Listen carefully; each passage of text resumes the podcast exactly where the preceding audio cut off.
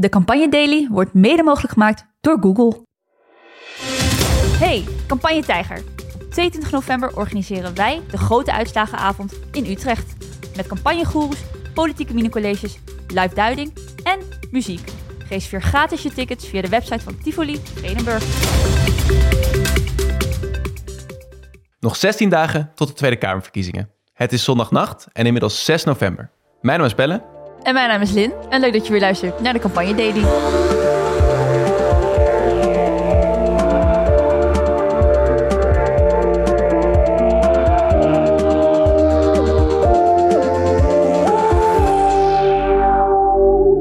Vandaag een eh, bijzondere extra aflevering van de Campagne Daily. Want we beschouwen het RTL-debat live na met links en rechts van mij eerst Maarten van Heems. Goedenavond. Goedenavond Maarten, goeienacht inmiddels. En eh, Alex Klusman. Goedemorgen inmiddels. Ja, we doen er alles aan om het te rekken. Ja, we doen echt 16 alles dagen, aan. dan maar gewoon avonduitzendingen, nachtuitzendingen. Alleen maar om niet te willen denken aan het einde dat er toch ook gaat aankomen. Is Ooit komt, eh, ooit komt die datum eh, dichterbij. Ja man, hoe gaan En we dat doen? klok eh, is, Het het is is steeds laat. minder lang te wachten op weer nieuwe verkiezingen. Dat is ook waar. We hebben wel met z'n allen hier op kantoor kunnen kijken naar dat RTL-debat. En dat was heel leuk, dat ten eerste. Maar ik ben vooral eigenlijk heel erg benieuwd... wat is jullie eerste indruk van dat debat? Ja, maar even een correctie. Het was heel leuk om hier met heel veel mensen te kijken naar het debat. Maar het was geen leuk debat, vond ik. Zo, Was het Toch, een debat? Maarten? Nou, was er, wat, waar sla je op aan dat het niet leuk was of dat het geen debat was? leg het eens even uit voor onze luisteraars. Ehm, nou ja, ik vond het en niet leuk en het was geen debat. En we werden natuurlijk eerst verrast door een soort van verschrikkelijk sprookje dat eh, RTL had samengesteld over bestaanszekerheid. En vervolgens is het nooit echt een debat geworden. Misschien op één of twee momentjes eh, na.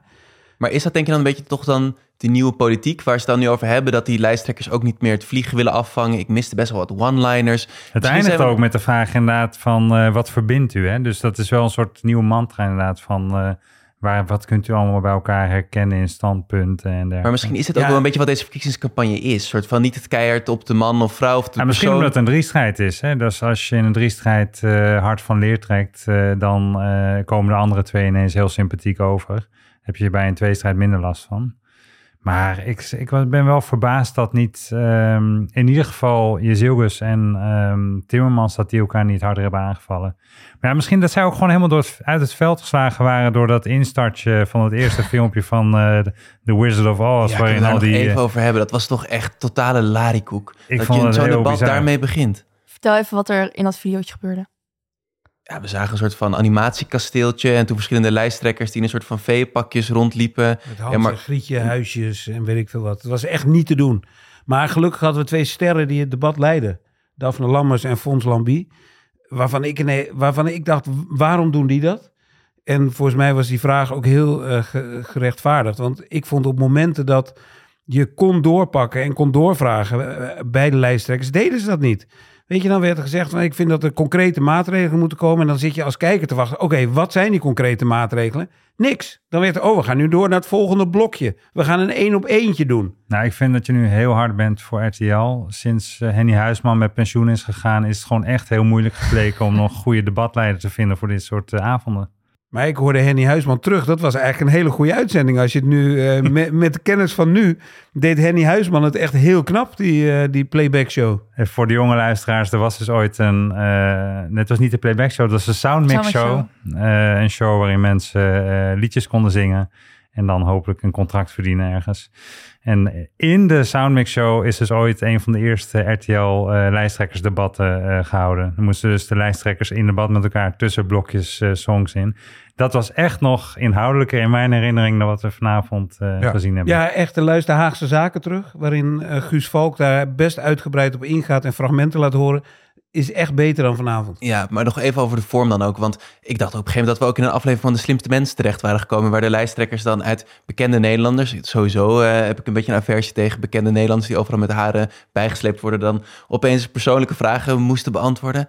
Zo geknutseld, zo gemaakt. Maar ja, uiteindelijk misschien toch wel het interessantste fragment wel eh, uit het debat met Omtzigt die een hele ongemakkelijke vraag kreeg over de sportschool. En of hij mentaal wel geschikt zou zijn voor, eh, voor het premierschap. Nee, Dus ho, ho, de vraag was hoe hij zichzelf lichamelijk en geestelijk gezond zou houden. Ja, maar het werd wel heel ongemakkelijk. Ja, het werd gewoon Kijk, ik had het idee Maar weet dat je maar vraag- even voordat je gaat vertellen waarom het zo ongemakkelijk was. Wat me helemaal verbaast, dat ik inmiddels heb begrepen dat ze die filmpjes dus van tevoren gezien hadden. Dat wilde ik zeggen. Ik had het idee dat het, ik had het idee dat Ja. geanceneerd was. Maar Ja. op het moment dat, dat Gregory Sedok, de hardloper, die vraag stelde aan Omtzigt, dacht ik nee, het is niet geanceneerd. Het is niet voorgeproduceerd, want Omtzigt werd er best ongemakkelijk van. De vraag was, hoe blijft u als u premier wordt mentaal en fysiek eh, gezond?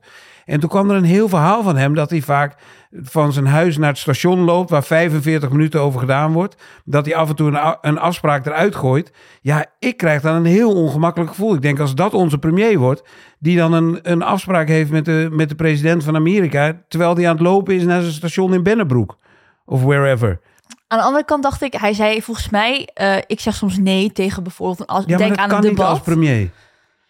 Ik weet niet, denk ook gewoon van ja, je stelt grenzen, is misschien ook goed. Iedereen betwist gewoon ook al bij hem van ja, kan hij het wel aan? Is hij mentaal gezond genoeg hiervoor? Ik denk wel dat hij hiermee laat zien van ja, ik, denk er wel over na. Ik ben ook maar een mens, ja. Nou, sowieso denk ik dat het gewoon, het is gunstig voor eh omzicht als de premiersvraag vaak gesteld wordt aan hem. En het is ook gunstig voor hem om die zo lang mogelijk niet te beantwoorden. Dus misschien dat hij hem daar ook wel, hij kreeg hem als eerste vraag. Misschien dat hij hem ook daarom wel nog had uitgekozen als de enige vraag waar hij controle Ja, over en had. ik vond het opvallend dat we zaten met best een grote groep te kijken. En van de, de echt politiek geïnteresseerde kijkers waren er echt een heel groot aantal mensen ervan overtuigd dat hij echt nog niet zeker weet of hij premier wil worden.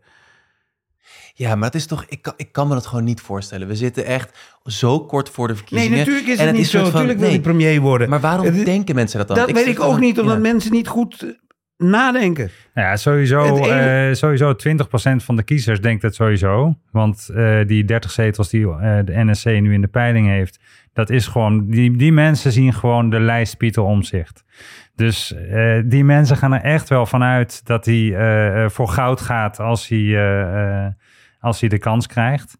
En ja, daarom moet hij volgens mij zo lang mogelijk ook uitstellen. eh, als, hij, als hij serieus twijfelt, dan zou ik hem aanraden om deze suspense echt letterlijk tot op verkiezingsdag te laten bestaan. Ja, maar wel ook als hij niet twijfelt, je moet deze suspense erin houden. Dat is natuurlijk fantastisch. Want wat hij nu ook doet, zegt hij, ja, ik wil gewoon het liefst in de Kamer. En de Kamer is zo belangrijk. En dan wat hij op de laatste dag gaat doen, gaat hij zeggen, ja, het liefst wil ik nu natuurlijk in de Kamer hebben. De roep is zo ongelooflijk groot voor mij om dit te doen.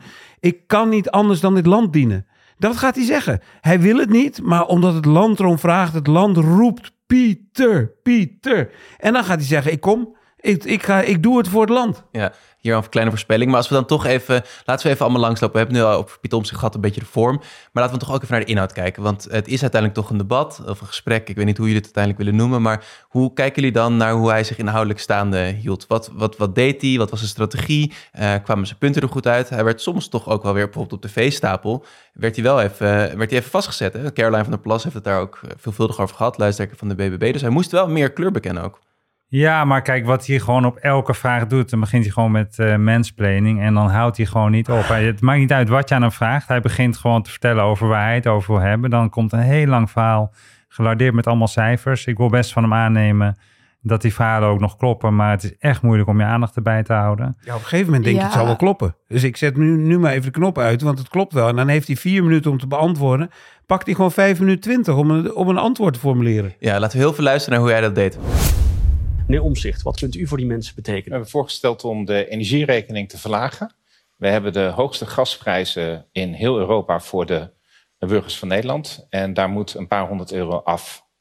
Verder moeten we ehm, inderdaad fors gaan bouwen. Want dat is de enige manier waarop we weer ehm, mensen weer een woning kunnen vinden. Daarvoor zal de migratie omlaag moeten. Daar zullen we het straks over hebben. En ehm, het aantal mensen met een vast contract. Ja, dat moet omhoog van ongeveer 60 naar ongeveer 80 procent.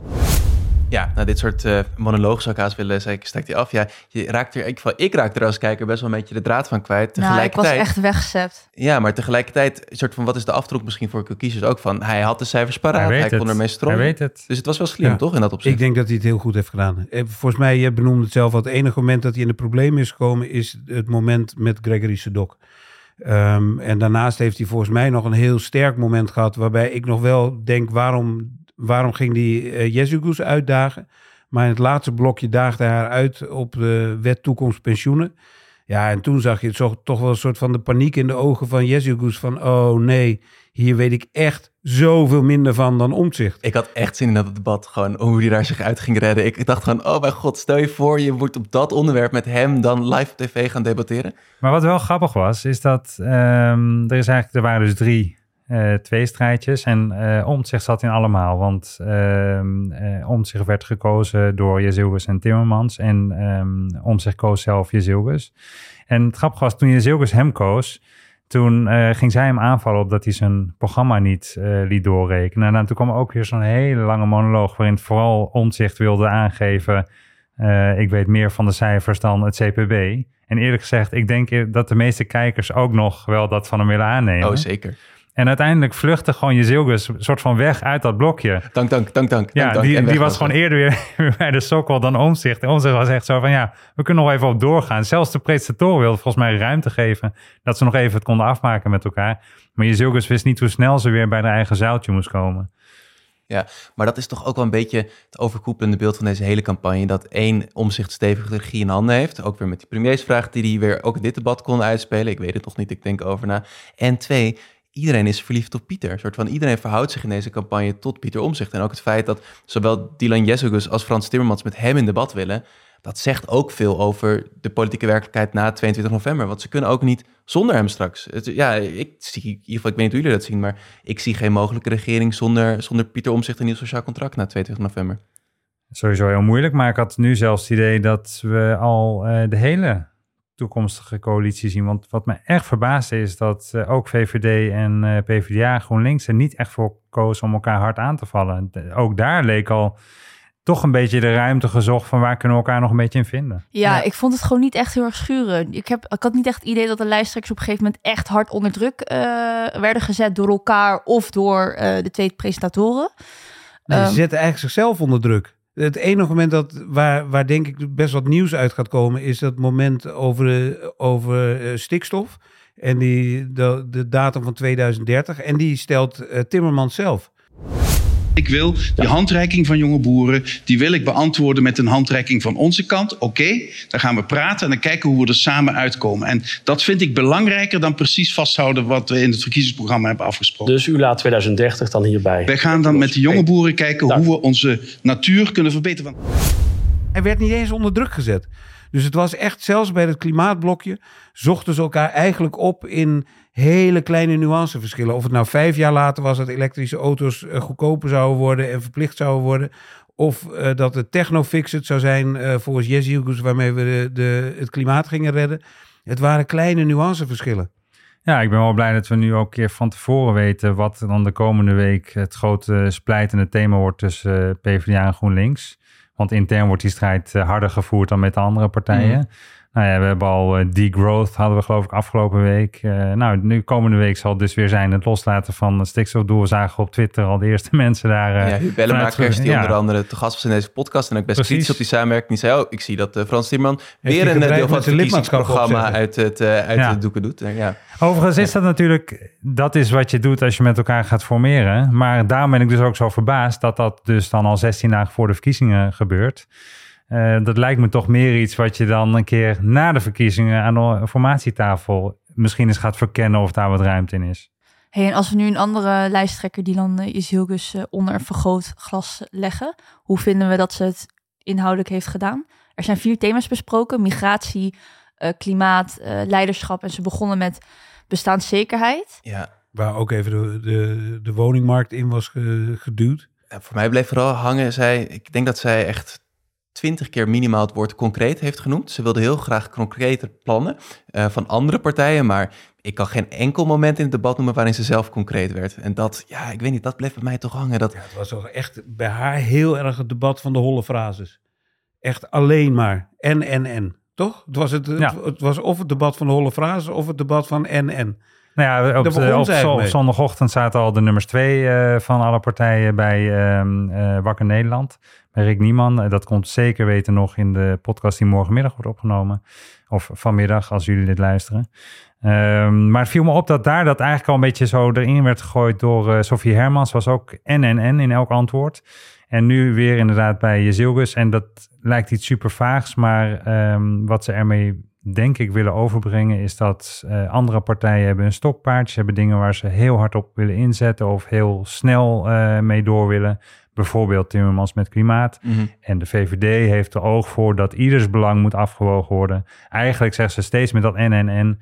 Ik vergeet uh, de middenklasse niet. Ik zal, er, ik zal er voor u voor zorgen dat we allemaal niet te hard van stapel lopen. Ja, ik sta aan jouw kant. Ja. Misschien moeten we heel veel luisteren Maar- hoe ze dat deed richting die middengroepen met name. Nou, ik wil ook graag stilstaan bij het feit dat die mensen ook uit de middeninkomens bestaan. Hè? Mensen met prima banen, prima inkomens, die nu doodsbang zijn dat ze het einde van de maand niet meer halen. Uh, en uiteindelijk gaat het erom dat je zorgt dat werken meer loont. Dus inderdaad lagere loonbelastingen. En dat die uh, lasten, die maandelijks lasten omlaag gaan. Of dat nou de energierekening is, de belasting daarop, de accijns, uh, brandstof. Uh, dus het gaat ook over die hele groep, grote groep Nederlanders met middeninkomens die nu kijken en denken: ik word aan alle kanten in de knel gezet en wie helpt mij? Dit gooide overigens het eh, VVD-campagneteam uh, dit fragment al tijdens het debat uh, online. Daar waren ze erg blij mee inderdaad. Ja, um, Ja, en nog even stilstaan bij wat um, NRC-journaliste Lamjai uh, ook, on, ja, ook online gooide. Uh, namelijk een foto van, het, uh, van de telefoon van Jezus, waarin ze in de pauze zei... we hebben het moeilijkste gehad. Niet weten dat ze nog uitgedaagd zou worden op de wet toekomstpensioenen. En ik denk wat bij haar blijft hangen... niet zozeer dat ze voor de middeninkomens opkomt... maar bij haar blijft hangen dat ze en geen antwoord heeft, zoals, uh, zoals Omtzigt dat volgens mij heel mooi verwoord, de grootste financiële operatie uit de Nederlandse geschiedenis, de wet toekomst pensioenen, waar ze eigenlijk blijk van gaf dat ze niet wist hoe dat moest. En ik denk dat bij haar blijft hangen wat Omtzigt meerdere malen heeft gedaan, de hele tijd gezegd, alles wat er nu mis is in Nederland is te wijten aan vier partijen en daarbij iedere keer weer de huidige, de huidige demissionaire uh, coalitie te noemen. Dus dat blijft hangen. En het laatste wat blijft hangen bij haar is denk ik wat Timmermans volgens mij in het blokje migratie heel slim proberen te doen. Het hele tijd hebben over de morele ondergrens, de morele, de morele bodem waar de VVD onderdoor is gezakt of doorheen is gezakt. En juist door daarop te hameren uh, blijft volgens mij ook dat hangen bij uh, Jesse. Ja, tot slot was ik benieuwd, Lin, ook hoe jij daarnaar kijkt. Want ik vond het best opvallend dat uh, Dylan Jessicus ook met omzicht uh, nadrukkelijk debat op wilde zoeken. En ja, ik had het gevoel, natuurlijk, ze valt Timmermans wel aan. Maar dat ze ook heel erg proberen duidelijk te maken, oké, de VVD is echt iets anders dan nieuw sociaal contract. Maar strategisch was Timmermans toch in het hele debat een logischere tegenstander voor haar geweest. Ja, ik was zelf ook echt verrast dat, uh, dat ze om zich had uitgekozen. Want ik dacht, ja, je wilt toch juist misschien die tweestrijd of soort van je grootste tegenpol opzoeken. Nou, ze koos voor omzicht met een vraag over de doorrekeningen van... Ik dacht echt, ja, ik, ben, ik was mentaal eigenlijk afgehaakt. Uh, waar ik nog wel heel even kort over wil hebben, is dat ze ook gewoon feitelijk onjuiste dingen zei. Ze zei namelijk dat ne Nederland een super aantrekkelijk land is voor asielzoekers om asiel aan, in aan te vragen. Dat is gewoon echt onzin. Er zijn echt meerdere onderzoeken die zeggen dat dat echt totaal niet zo is. Uh, Nederland staat Misschien op moeten nummer... we die even nasturen aan haar. Ja, nummers... die proberen ja, ze nog even, die grap proberen ze nog even te maken. Op een gegeven moment door te zeggen dat ze nog wat onderzoek kon sturen naar, naar Timmermans, die daar volledig overheen sprak. Ja, ik, ja, ik, uh, opvallende keuze. Ja, Timmermans, je noemde hem al even. Uh, de laatste, uh, de laatste uh, politicus in, in dit debat. Um, hoe kijken we naar? Wat mij opviel, was allereerst even hoe hij de studio binnenkwam lopen. Hè? In welke kleding bedoel je? Ja, voor het eerst een das. Ja. Ik, volgens mij was hij... Zijn baard geschoren? Ja. ja, hij zag er goed uit, moet ik zeggen. Ehm, ja, ik denk uh, dat het, ja, als, als een beetje als een premiersdebat wordt gepresenteerd, dan ligt het misschien iets meer voor de hand om je dan uh, als man uh, in, in pak met das te kleden. Maar ik was er ook alweer verbaasd over, omdat hij zo'n nummer eigenlijk eerder van heeft gemaakt bij op één, dat hij dat soort conventies heeft losgelaten en liever in spijkerbroek en jasje komt. En dat hij dan zich veel meer op zijn gemak voelt. Uh, misschien hielp het dat het hele debat plaatsvond in het toch door en door van een rode geschiedenis doordrenkte Felix Meritus. Dat hij zich alsnog op zijn gemak voelde nu in dit apenpakkie, zoals het vaak genoemd wordt door mannen als het aan moeten. En inhoudelijk dan? Als we even de stijl de stijl nou, hij, wel, hij kwam best wel, ik vond dat hij goed uit zijn startblokken kwam. Uh, meteen denk ik een aantal uh, punten kunnen maken die um, voor GroenLinks PvdA uh, belangrijk zijn. Toen bijvoorbeeld bij bestaanszekerheid kreeg hij, dacht ik als eerste het woord en is meteen duidelijk een drieslag. Minimumloon omhoog, de eigen bijdrage, um, dus eigen risico, eigen risico van de zorg omlaag. En we gaan de belasting oh. op vermogens verhogen en juist verlagen op arbeid. Ja, dat zijn gewoon meteen drie lekkere herkenbare punten waarvan hij ook wist van nou, daar gaan de anderen uh, zeker dat minimumloon wat op hakkelen. Mm -hmm. Dus uh, begin heel goed. Ja. Uh, maar hij had er gewoon wel mee te dealen inderdaad dat de anderen uh, naarmate de avond vorderde toch wel um, erop speelden om hem een beetje te negeren, zeg maar. Toch Ja. meer bij elkaar zochten. Liet zich niet ook een beetje piepelen toen Omzicht ongeveer zijn hele één op één debatje kaapte met een antwoord over bestaanszekerheid van drie, vier minuten? Moet je dan niet toch als politicus Nee, een stap naar voren niet. zetten? Want kijk, voor dat, dat eh, blokje eindigde met eh, de uitsmijten van Timmermans... die bij iedereen bleef hangen. En dat was eh, de, de sterkste schouders dragen de zwaarste lasten. En volgens mij wat Timmermans het beste van de drie heeft gedaan... dan zou jij zeggen, jij bent van de fanclub. Maar, Voorzitter zelf. eh, voorzitter soms. Ehm, maar het beste wat hij heeft gedaan is eh, met, met one-liners of takes, hoe je het ook wil noemen, uit de startblok te komen. Dus die eigen koers waar hij meteen mee begon. De sterke schouders dragen de zwaarste lasten. Eh, we hebben een morele taak. Hij heeft een aantal echt soort van one-liners die blijven hangen, waarvan je het beeld krijgt dat, dat, dat, dat hij eh, het echt in de hand heeft wat hij wilde doen. Met als uitsmijter nog even om eh, waar ze naar Rutte vroegen en zei en het, eh, de jaren van Rutte niet te kiezen om Rutte af te fakkelen, maar juist te zeggen: ik vind dat, het, dat hij bij de NAVO op heel goed op zijn plaats zijn. Ik vind dat we hem van harte moeten steunen daarin. Waarmee hij eigenlijk het voor Jezielgoes heel moeilijk maakte. Want die moest zich daartoe verhouden. Ja, en die had net voorgenomen te zeggen dat ze het echt anders ging doen dan Rutte. En dat zijn andere, op sommige punten andere visie had. Waar, ze, waar er natuurlijk niet op door werd gevraagd wat dat dan was. Dus ja, ik denk dat Timmermans eh, heel tevreden terug kan kijken. Ja. En Als we even- als we- als we er werd rondje- helemaal niks over kernenergie gezegd. Dat vond ik ook opvallend. Het enige waar hij de afgelopen weken mee in de problemen is gekomen... is met het punt over kernenergie. Niemand heeft het ingebracht. Er, wel, er waren genoeg mogelijkheden. Ja. Ja, nee eens. Dat was opvallend. Ik had dat zeker ook gebruikt als ik uh, of uh, was. Um, even dan kort rondje toch dan de, de sportvraag. Uh, wie heeft er gewonnen? Ik denk um, dat. Ik zou zeggen dat Timmermans gewonnen heeft en dat dat deels is omdat hij het zelf goed deed, maar dat dat ook hem is komen toerollen als het ware, omdat um, de anderen eigenlijk hem wel echt de linkse kandidaat en het alternatief uh, lieten zijn. En uh, zeker met de thema's die nu besproken werden, ook hoe het besproken werd, um, toch een beetje VVD en NSC erg dicht bij elkaar kwamen te liggen. Een beetje voelde als ja, toch met twee kanten van dezelfde medaille. En ik denk dat het altijd goed is om eruit te springen. Dat wil nog niet meteen zeggen, als je eruit springt, dat je ook alle kiezers voor je, alle kijkers voor je wint. Maar ik denk wel dat het voor Timmermans heel prettig was dat uh, iedereen die misschien nog ter linkerzijde zit van PvdA GroenLinks nu wel dacht, uh, we moeten onze hoop echt niet stellen in omzicht als we de VVD uit, het, uh, uit de macht willen houden. Dan moet het toch echt bij Timmermans zijn als we daar een sterk blok van willen maken. Maarten zegt Timmermans? In ieder geval niet de kijker. Ik vond het zo oerzaai. nee, ja, ik denk, ik had gewoon gehoopt dat er iets meer zou schuren ik, ik heb afgelopen, ik heb vanmiddag naar het en op een Radio 1 uh, debat geluisterd. En daar waren de lijsttrekkers echt niet bang om elkaar uh, aan te pakken en uh, te interruperen. En echt soort van die tegenpolen en die reacties bij elkaar op te zoeken. Dit voelde soms echt als een monoloog die een ander monoloog afwisselde. Ja, ik heb, denk ook, daar leer je uiteindelijk wel veel van. Maar ik had gewoon iets meer tempo of iets meer jeu in het debat willen zien. Ja, de echte winnaar was natuurlijk de oplosgeneratie. Want de enige partij die in de reclameblokken zat was de oplosgeneratiepartij D66 met een onbegrijpelijk spotje. Die hadden ineens een spotje met volgens de tafel met wie we keken allemaal acteurs uh, die waren ingehuurd en de, de take was wij zijn de oplosgeneratie. Ik kan alleen maar aan koffie denken, die smerige, uh, hoe heet die oploskoffie die echt niet te zuipen is. Ja.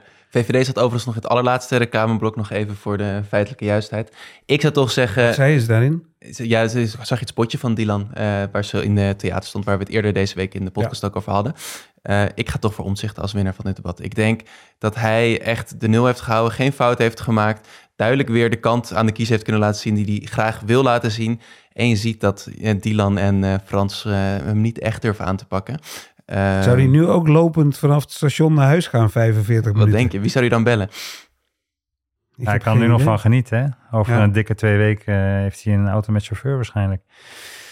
Ik wil nog even, eh, om, misschien om af te ronden, een kleine shout-out doen naar Laura Bromet, nummer 11 van uh, PvdA GroenLinks. Uh, bij altijd bij dit soort debatten zitten de mensen op de achtergrond. Dan denkt de kijker misschien van dat zijn random mensen. Nou, er zullen misschien sommige random mensen bij zitten, maar het zijn heel vaak ook de kandidaten van de partijen. Mhm. En nu viel me vandaag op dat vanmorgen om tien uur al bij Rick Nieman zat Laura Bromet in het publiek om uh, daar op de juiste momenten ja te knikken of nee te schudden.